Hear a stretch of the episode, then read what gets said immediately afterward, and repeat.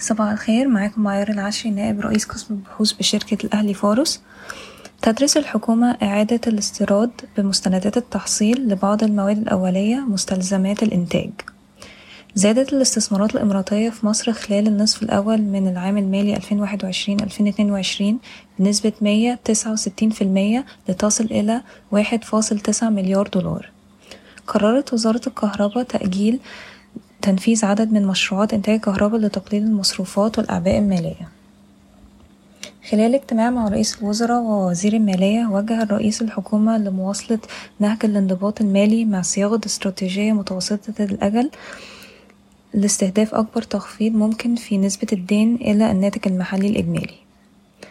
سجلت شركة كليوباترا صافي ربح قدره تمانية وستين مليون جنيه في الربع التاني من ألفين اتنين وعشرين بانخفاض أربعة وعشرين في المية على أساس سنوي وانخفاض تمانية وعشرين فاصل سبعة في المية على أساس ربعي.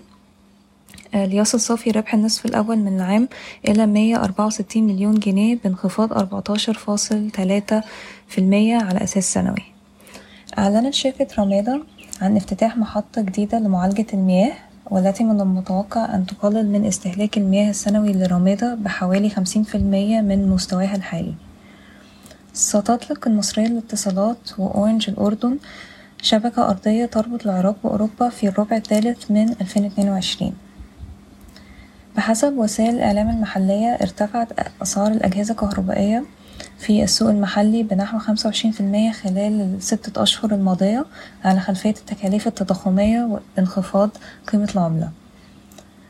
ردا على الأنباء التي تفيد بأن صندوق الاستثمارات العامة السعودي يعتزم الاستثمار في زيادة رأس مال إيجال. لم تؤكد الشركة أو تنفي الخبر مؤكدة في إفصاح بالبورصة أنها لا تزال تدرس خطة زيادة رأس مال وستطرح أسهمها إلى مستثمر استراتيجي للمساعدة في تمويل تنميتها.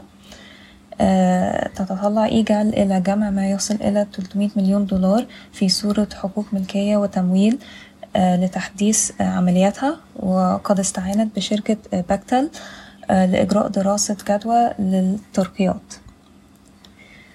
قامت شركة المطورون العرب بتعيين مستشار مالي مستقل لإجراء دراسة تقييمية لإحدى شركاتها التابعة تمهيدا لدراسة إدراكها في البورصة المصرية.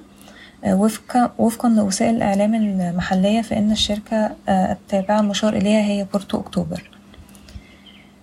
قالت شركة مدينة الإنتاج الإعلامي أنها لا تمتلك معلومات عن تقارير الإعلامية التي تفيد بأن صندوق الاستثمارات العامة السعودي يعتزم الاستثمار فيها.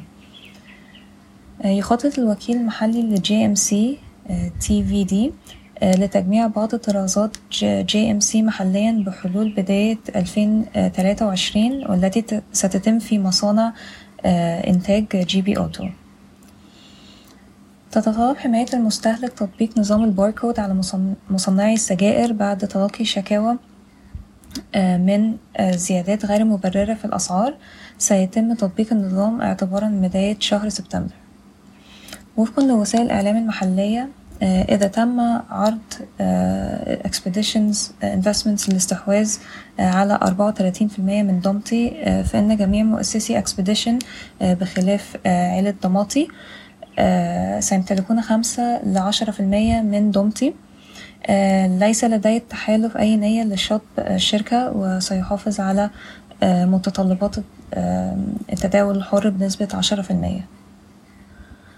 سيعين ستعين الشركة القابضة للصناعات الكيماوية المساهم في بكين المستشار المالي المستقل لتقييم بكين وسط عروض الاستحواذ عليها. شكرا ويوم سعيد.